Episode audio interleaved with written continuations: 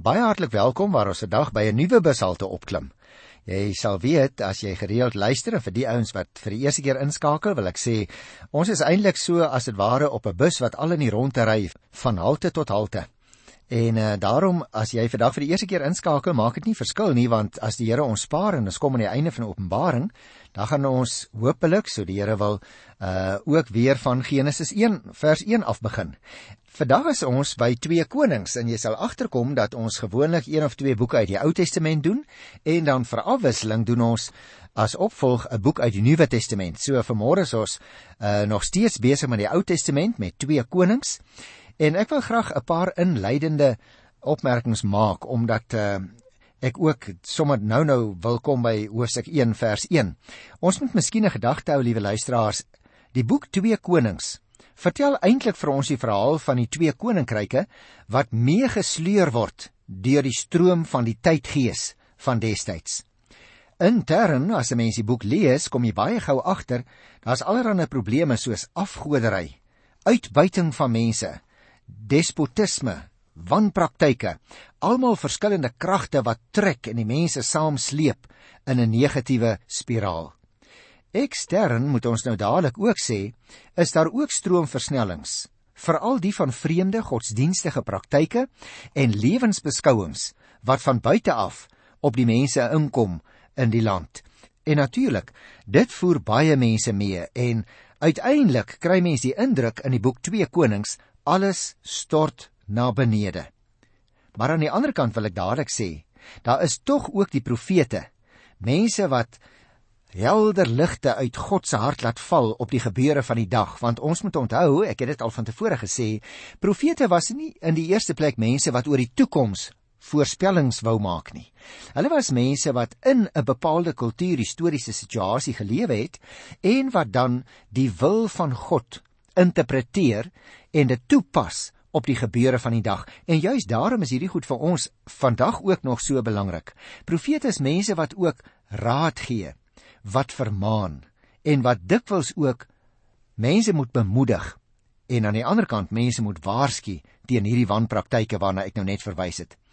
Dis byvoorbeeld profete soos Elisa en Amos en Hosea en Jesaja, manne soos Micha en Sefanja en Jeremia wat die tydgees in die tyd van twee konings trotseer om die regte pad vir mense aan te dui en die wil van die Here in die gebeure van die dag vir hulle te probeer verduidelik. Nou natuurlik Daar is ook konings in daardie tyd wat die stroomversnellings en die afgronde raak sien en die volk daarvan wil wegkeer.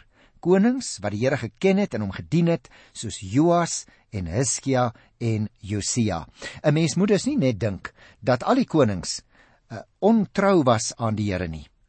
Tog wil ek dadelik sê, slaag die profete en die enkele konings nie altyd daarin om die suigkrag van die stroom van die tyd te keer nie. Dit is net soos vandag. Eers as jy die geskiedenis onthou waarby ons al 'n bietjie stil gestaan het, stort die noordryk Israel die afgrond af om in die volke see opgeneem te word en vir altyd te verdwyn. Die noordryk het nooit weer herstel na die val van die hoofstad Samaria in die jaar 722 voor Christus nie. Dis eers meer as 'n eeu later wanneer die suidryk dieselfde rivierloop begin volg op pad Ja, wat sal ek dit noem? Eintlik, liewe luisteraars, op pad na selfvernietiging. Te midde van al hierdie voortstuwing na die einde toe, het God sy gelowiges beskik om stroom op te bly swem en selfs in ballingskap nie bereid was om in die see van die vreemde volke en die vreemde godsdienste verswelg te word nie. Daarom sal jy onthou toe die suidryk met die hoofstad Jerusalem uiteindelik val voor die Babiloniërs in die jaar 586, is hulle weggevoer na Babel, maar daar het tog 'n kern van die mense getrou gebly aan die Here selfs daar in die verre Babel. En so het die boodskap van 'n God wat nie sy verbondsmense prysgee nie, bly voortleef en om daardie boodskap verder te dra, soek die Here in elke geslag, ook in jou en in my geslag, liewe luisteraar, na mense wat bereid is om teen die stroom van godsdienstige verval en van agteruitgang wat sekere fasette van die maatskappy betref, sy boodskap te proklameer en uit te lewe. Daarom is hierdie ou geskiedenisse en hierdie ou verhale in die Bybel ook vir jou en vir my baie belangrik, want ons sien dikwels daarin parallelle vir ons eie tyd. Maar en ek dink dit is die belangrikste dat ons voortdurend sal onthou in die Ou Testament veral is ons besig met ou geskiedenis, maar geskiedenis met 'n boodskap. Ek sou sê die doel van twee konings, as ek dit nou in 'n sinnetjie moet sê, is min of meer dit om aan te toon dat die ballingskap die gevolg was van die voortdurende afgodery in Israel sowel as in Juda. As jy my sou vra broer Johan nou, uh, wie's nou die skrywer? Dan wil ek dadelik ook ten opsigte van twee konings sê, die skrywer is onbekend aan ons. Waarskynlik is gebruik gemaak van die annale van die konings van Israel en van Juda. Na die val van Jerusalem is die boek weer 'n keer oorgewerk in die lig van die ervarings van die ballingskap. Daarom kry mens ook opmerke tussenin wat vir ons baie duidelik daarop dui dat sekere gedeeltes van die boek ten minste oorgewerk is na die periode van die ballingskap. Ek wil nog hierdie opmerking net maak, naamlik dat die profetiese boeke soos Jesaja en Jeremia, Esegiel, Hosea, Amos, Micha, Naam, Habakuk en Sefanja ook oor hierdie tydperk skrywe.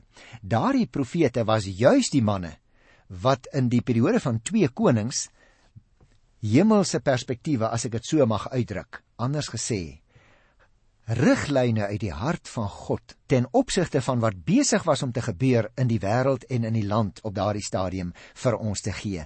En dit is ook waarna jy en ek moet oplet, liewe luisteraar, wanneer ons die geskiedenis van daardie tyd so bietjie onder die loep neem. Nou ja, goed liewe luisteraars, 'n mens kan die boek 2 Konings indeel in 4 groot dele. Eerstens is daar die einde van die era van Elia. Julle onthou in 1 Konings was Elia 'n baie belangrike figuur, veral in die tyd van koning Agab en sy goddelose vrou Isebel. So hierdie einde van die era van Elia word eintlik net in die eerste hoofstuk aan die orde gestel, waar ons ook die oorgang kry van die tweede periode. Handel eintlik oor die tyd van die profeet Elisa. Ons moet onthou beide die profete Elia en Elisa was nie skrywende profete met ander woorde daar het nie boeke oorgebly wat hulle name dra nie. Die derde periode waaroor ons gaan praat in 2 Konings is die era van die konings van die twee ryke. Ek het al vir jou gesê dit is so bietjie deurmekaar. Ons weet nie altyd as ons nou nie 'n uh, bietjie agtergrond van die Bybel het, was hierdie koning nou in die Suidryk of die Noordryk en daarmee wil ek ook graag probeer om vir jou weer so bietjie in twee konings te help. En in die laaste era is die periode van die ryk van Juda. Dit strek daar van die 18de hoofstuk af tot aan die einde van hoofstuk 25. Daar is sekere hooftemas wat in die boek na vore kom, maar daaroor gaan ek met jou praat wanneer ons een of twee van daardie temas raak lees, dan sal ek dit vir jou uitwys. Nou ja, baie welkom dan as ons op die bus klim vir ons volgende tog, naamlik die einde van die era van Elia. En daarom gaan ek nou uh die eerste hoofstuk uit die boek 2 Konings met jou behandel. 'n algemene inleidende opmerking ten opsigte van hierdie hoofstuk is die demonstrasie van die mag van die profete woord is eintlik 'n voorbereiding vir die oordrag van die woord as woord van krag aan Elisa want hy is die man wat vir Elia gaan opvolg. Kom ons lees eers net die eerste vers na gesels ons met mekaar so 'n bietjie daaroor. Dis 'n baie kort versie, 2 Konings 1 vers 1. Na die dood van Ahab het Moab in opstand gekom teen Israel. Nou luisteraars, natuurlik sal jy onthou dat uh, Ahab die goddelose koning was daar in die Noordryk en nou word gesê dat Moab in opstand gekom het. Toe Ahab met ander woorde sterwe, toe sien die Moabiete die geleentheid om in opstand kom teen die Noordryk. En ek moet dadelik sê, hierdie eerste versie kom so ietwat vreemd voor hoor want hier word melding gemaak van Moab wat in opstand gekom het teen Israel, maar die saak waaroor dit gegaan het, word glad nie vir ons vermeld nie. Dis eers van vers 2 af waar ons kan sien dat dit eintlik handel oor Ahasia en hy het klaarblyklik niks met die hele saak te maak gehad nie. Daarom as ek nou gaan kom by vers 2 tot by vers 8, dan sal jy sien uh, dit handel oor sy siekte hierdie koning Ahasia se siekte. Nou hy het opgetree so min of meer in die jaar 853 tot 852 voor Christus. Met ander woorde as jy dan kyk 'n baie kort periode van ongeveer maar net 1 jaar. Nou was dit natuurlik die gebruik om in tye van siekte 'n godspraak daaroor te kry met die hoop dat dit genesing sou bring. Baal se boep, die heer van die vliee, uh, wat een van die afgode van die Kanaaniete was, is 'n doelbewuste verdraaiing van Baal se boel, die heer van die siekte. Nou ja, as jy Matteus 12 vers 24 gaan kyk, dan sien jy dat hierdie uh geloof wat mense dikwels gehad het ook in die nie gode soos ons van hulle sou praat as Christus gelowiges tot in die tyd van die Nuwe Testament 'n baie groot deurwerking in mense se gedagtes gehad het.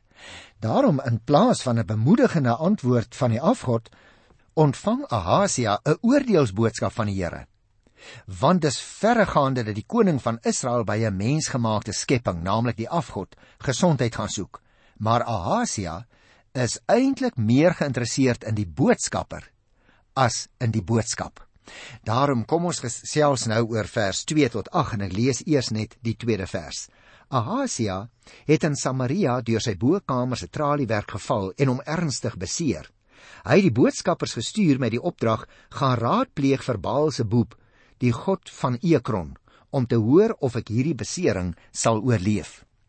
Nou, liewe luisteraar, wat die bokkamer presies in hierdie teks beteken, dit is so bietjie onseker vir ons. Gewoonlik was dit 'n kamer wat op 'n huis se dak gebou is en wat van die straat af met 'n trap bereik kon word. Sommige meen koning Ahasia het geval toe hy met so 'n trap afgeklim het maar Ahasia se bovertrek was waarskynlik eerder soos die ruim bokamers waarna die profeet Jeremia ook verwys daar in Jeremia 22 vers 14. Moontlik het dit dieselfde gedagte wat hier weer speel word met die term bokamer as wat die vrou, jy sal onthou, ons gaan nog van Elisa baie lees wat die vrou gereed gemaak het vir die profeet Elisa. So die hele gedagte van 'n bokamer is nie vreemd nie. Dit is uh, in gebruik gewees en hier spesifiek moet ons in gedagte hou die vensters wat gewoonlik aan die ooste kant was, was enerzijds met tralies bedek, maar anderzijds was daar ook soms houtpanele wat so bietjie privaatheid verseker het en natuurlik die belangrike ding, dit het lug deurgelaat. Want jy moet onthou, daardie deel van die wêreld te Palestina is baie baie warm en dit natuurlik nou nie gewone verkoelers gehad wat ons nou vandag het nie. Nou nietemin, op die een of ander manier het Ahasia deur so 'n vertrek geval en hom ernstig beseer. In hierdie omstandighede stuur hy nou boodskappers na Ekron toe. Dit was die mees noordelike Filistynse stad van die 5. Onthou die Filistyne het in sy 5 stede gewoon: Gaza, Gat, Askelon, Asdod en Ekron. Ongeveer so 16 km van Joppe af en dit was maklik bereikbaar van Israel af.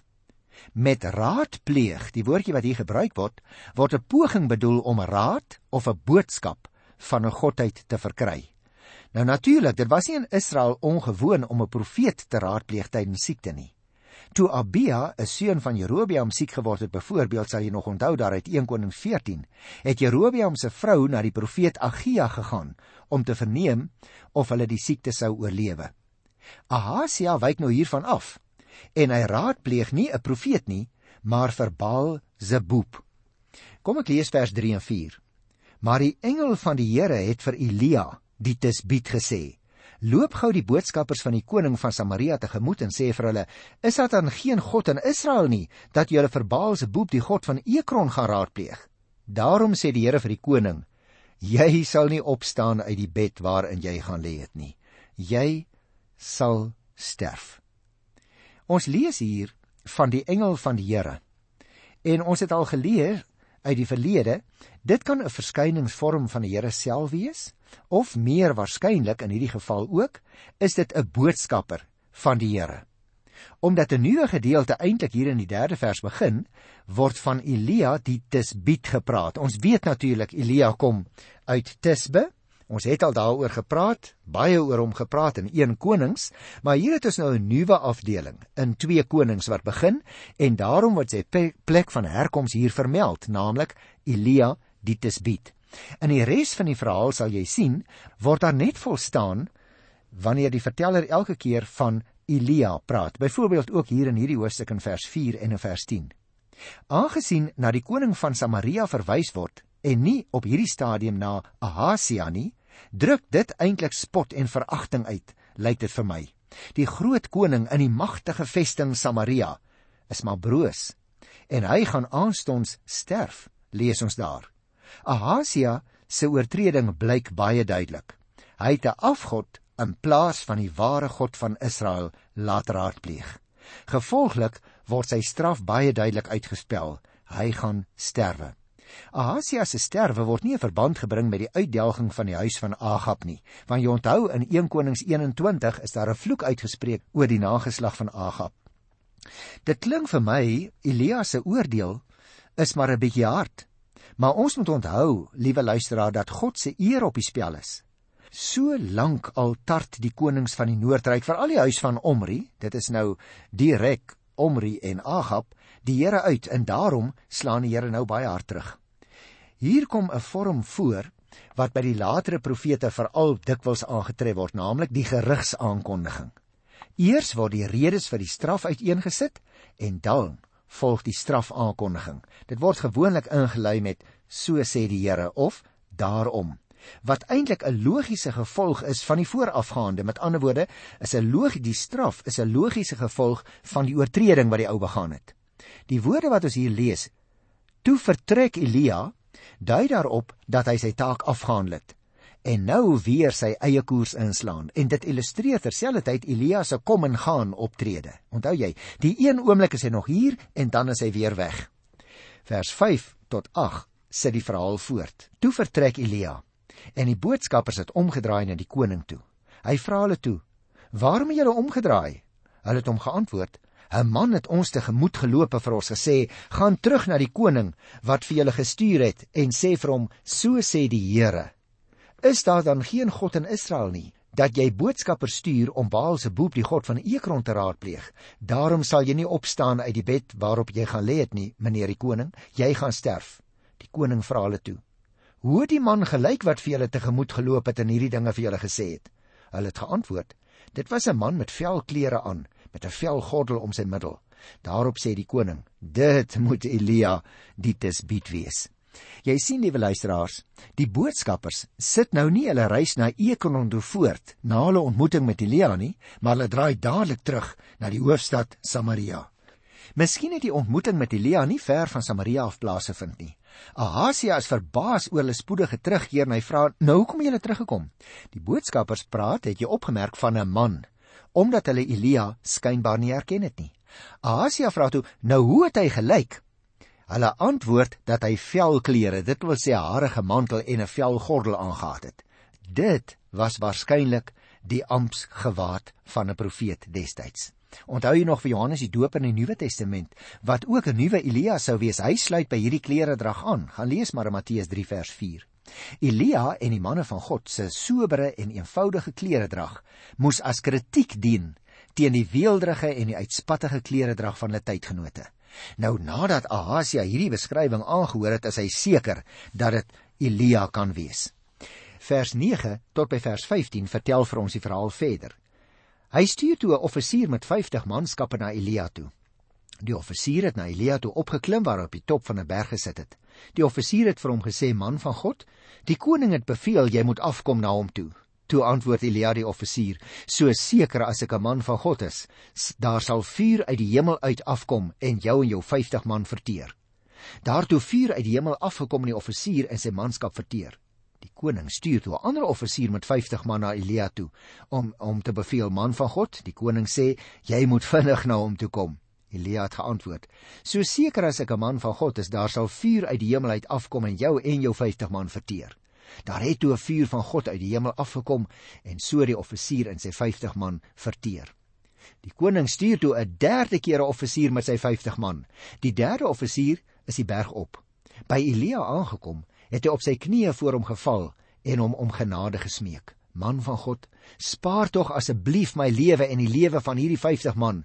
Daar het vuur uit die hemel uit afgekom en dit het die twee offisiere wat vroeër gekom het saam met hulle manskappe verteer. Spaar asseblief tog nou my lewe. Het jy opgemerk, liewe luisteraar, die koning wil Elia met geweld aankeer, dalk om die effek van sy woorde te verhinder. Trekke van die Karmel gebeure slaan so bietjie hier deur, hoor. Die berg, Baal, die vuur, die lewensverlies die mag van die profetiese woord. Dit kom baie ooreen met wat destyds by Karmel gebeur het. En die eerste twee offisiere is so bietjie verbarstig. Hulle is almatigend. Hulle gee geen erkenning aan die gesag van die profeet as die dienaar van God nie. Eers toe die derde offisier hierdie erkenning gee, eers toe kon Elia saamgaan. Dit lyk vir my uit hierdie verse, liewe luisteraars, Ahasia is baie bewus van die krag van die profeet se woord en daarom wil hy hom in hegtenis laat neem en 50 manskappe word twee keer gestuur. Die derde keer verander die prentjie. Op bevel van die engel vertrek Elia nou saam met die soldate en Ahasia verneem weer eens sy oordeel. Soos die Karmel gebeure illustreer hierdie verhaal dus dat die Here die God van Israel is, dat hy totale oorgawe van die koning en die volk vra en dat hy wat die Here is, geensins sy eer met enige ander godheid gaan deel nie. Wie afgode plaas In plaas van die Here te soek luisteraars, word gestraf. Elia se onversetlike gesindheid en die vuurvlam wat die soldate verdelg het, kom baie ongenaakbaar voor vir ons vandag. Die profeet kom naamlik vir die eer van sy opdraggewer op en die koning wat sy hulp by 'n buitelandse afgod gesoek het, het hom openlik teen die God van Israel gedraai. En daarom in 'n konteks soos hierdie word net met wit en swart gefunksioneer. En van fyn kleuronderskeidings, as ek dit so mag uitdruk, is daar geen sprake nie. Dis of trou aan die Here of ontrou aan hom. Dit is waaroor dit hier gaan. En daarom die laaste paar versies vertel dan van ons hoe dat Elia vir die koning gesê het: "So sê die Here: omdat jy boodskappers gestuur het om Baal se boep, die god van Ekron te raadpleeg, asof daar geen god in Israel is wat geraadpleeg kan word nie, sal jy nie opstaan uit die bed waarin jy nou lê nie. Jy gaan sterf. En dan sê vers 17: Hy het ook gesterf in ooreenstemming met die woord van die Here wat deur Elia gekom het. Omdat Ahasia self geen kinders gehad het nie, sê vers 17 verder, is hy as koning opgevolg deur Joram Dit was in die tweede regeringsjaar van koning Joram van Juda die seun van Josafat. Die ander verhale oor Ahasia en wat hy gedoen het, is opgeteken in die annale van die konings van Israel.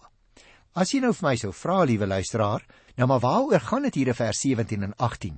Dan wil ek uitwys, die woord van die Here is effektief en dit bereik sy doel. Hierdie twee verse skep interessante probleme en dit stem nie eintlik ooreen met Hosea 3 wat ons nog gaan behandel by die eerste vers nie. Daar word naamlik gesê dat Joram in die 18de regeringsjaar van koning Josafat van Juda die troon van Israel bestyg het. Nou twee verklaringe word nou aan die hand gedoen. Agab het in die tweede jaar van Josafat koning geword en hy 22 jaar geregeer en sy seun Ahasia word koning in die 24ste jaar van Josafat se regering en hy regeer 2 jaar. Daarom lyk dit vir my die uitdrukking hier die tweede regeringsjaar van koning Joram van Juda hoef nie 'n struikelblok te wees nie want ons het hierdie twee weergawe waarskynlik uit verskillende bronne wat kom uit die annale oor Ahasia wat vermeld word in vers 18 'n slotgedagte die koning wat die Here misken het in sy soeke na gesondheid sterf sonder 'n erfgenaam Wat beteken dit vir jou vir my vandag? Liewe luisteraar, siekte en dood is krisissituasies wat elke mens belewe en jou terugdryf na jou basiese sekuriteite. Dit toon die ware objek van jou geloof. Dit verraai hoe diep jou geloof lê. Dit bring jou ware kleure na vore. Ahasia het hierin gefaal en hy het geen aanspraak op die lewe verder nie. Daarteenoor is die profete woord kragtig omdat dit afkomstig is van God wat oor siekte en dood, lewe en sterwe beskik, sonder dat enige mens die Here kan dwing om te genees. Ek groet jou in die wonderlike naam van Jesus Christus, die prins van alle lewe. Tot volgende keer. Totsiens.